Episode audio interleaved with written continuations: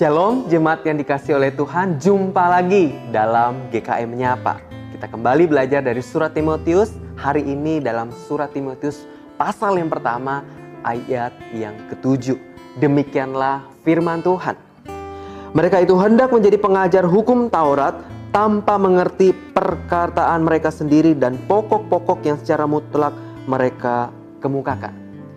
Saudara yang dikasih Tuhan, jika yang lalu kita mempelajari tidak sedikit orang ingin menjadi pengajar atau guru karena mereka pengen dihormati, mereka pengen mendapatkan pujian, penghormatan dari komunitas Yahudi atau di lingkungan masyarakat. Padahal mereka itu tidak mendapatkan panggilan daripada Tuhan dan tidak mendapatkan tidak diperlengkapi dengan benar. Pada akhirnya mereka memberikan pengajaran yang keliru, mereka tidak memberitakan pengajaran yang benar daripada firman Tuhan dan hukum Taurat. Oleh karena itu saudara hari ini kita mau belajar bagaimana mengetahui seseorang itu menjadi seorang guru karena dipanggil ataukah berdasar karena keinginan diri sendiri. Karena saudara seseorang itu tidak bisa menjadi seorang guru karena keinginan diri sendiri.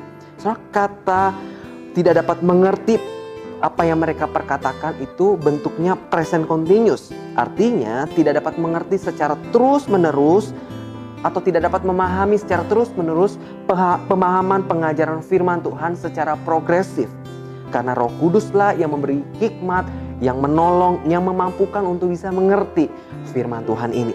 Seseorang tidak bisa dengan kemampuan dan kepintarannya mengerti pernyataan-pernyataan Allah jika ia tidak ditolong oleh Roh Kudus, karena itu adalah anugerah.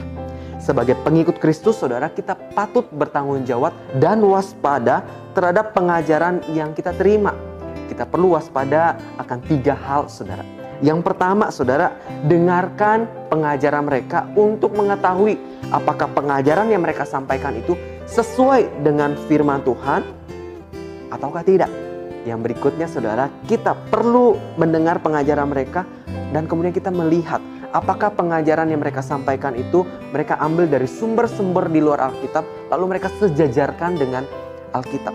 Saudara sebenarnya adalah Alkitab menjadi sumber utama di dalam setiap pengajaran.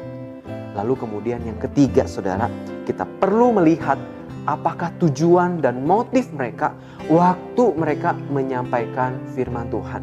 Saudara kalau tujuan mereka karena mereka pengen mengasihi Tuhan, meninggikan Tuhan, memuliakan nama Tuhan, itu benar.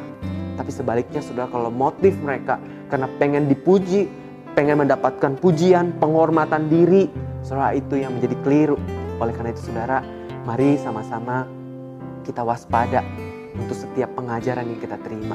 Kita perlu waspada dan bertanggung jawab untuk kemudian ketika kita mendengarkan firman Tuhan. Supaya kita terus mendapatkan pengajaran yang benar supaya kita terus bertumbuh menjadi seorang murid Kristus. Kiranya Tuhan menolong setiap kita. Mari kita berdoa Tuhan Bapa kami yang baik, terima kasih kalau Tuhan boleh mengingatkan kami hari ini supaya kami bertanggung jawab dan kami terus waspada ketika kami mendengarkan kebenaran firman Tuhan. Tolong kami Tuhan supaya kami melihat apakah itu berdasar pada sumber kebenaran firman Tuhan bukan daripada sumber-sumber yang lain kemudian disejajarkan dengan Alkitab. Lalu kami belajar juga melihat motivasi dan tujuan apakah itu untuk meninggikan Tuhan, memuliakan nama Tuhan ataukah hanya untuk meninggikan dan memuliakan diri sendiri. Tolong kami beri hikmat, beri kepekaan Tuhan melalui pertolongan daripada Roh Kudus. Berkati kami hari ini Tuhan di dalam keluarga kami, di dalam studi atau di dalam pekerjaan kami atau bahkan Tuhan ketika hari ini kami punya pergumulan Tuhan kami datang kepadamu tolong kami Tuhan supaya kami boleh melewati setiap pergumulan dan tantangan yang kami hadapi berdasar kepada pertolongan dan kami mau mempercayai Tuhan bahwa segala sesuatu yang Tuhan izinkan ada maksud dan tujuan di dalamnya dan biarlah kami terus mempercayai Tuhan di dalam segala kedalaman Tuhan. Terima kasih Tuhan. Ini doa kami hanya di dalam nama Tuhan Yesus. Tuhan kami berdoa. Amin.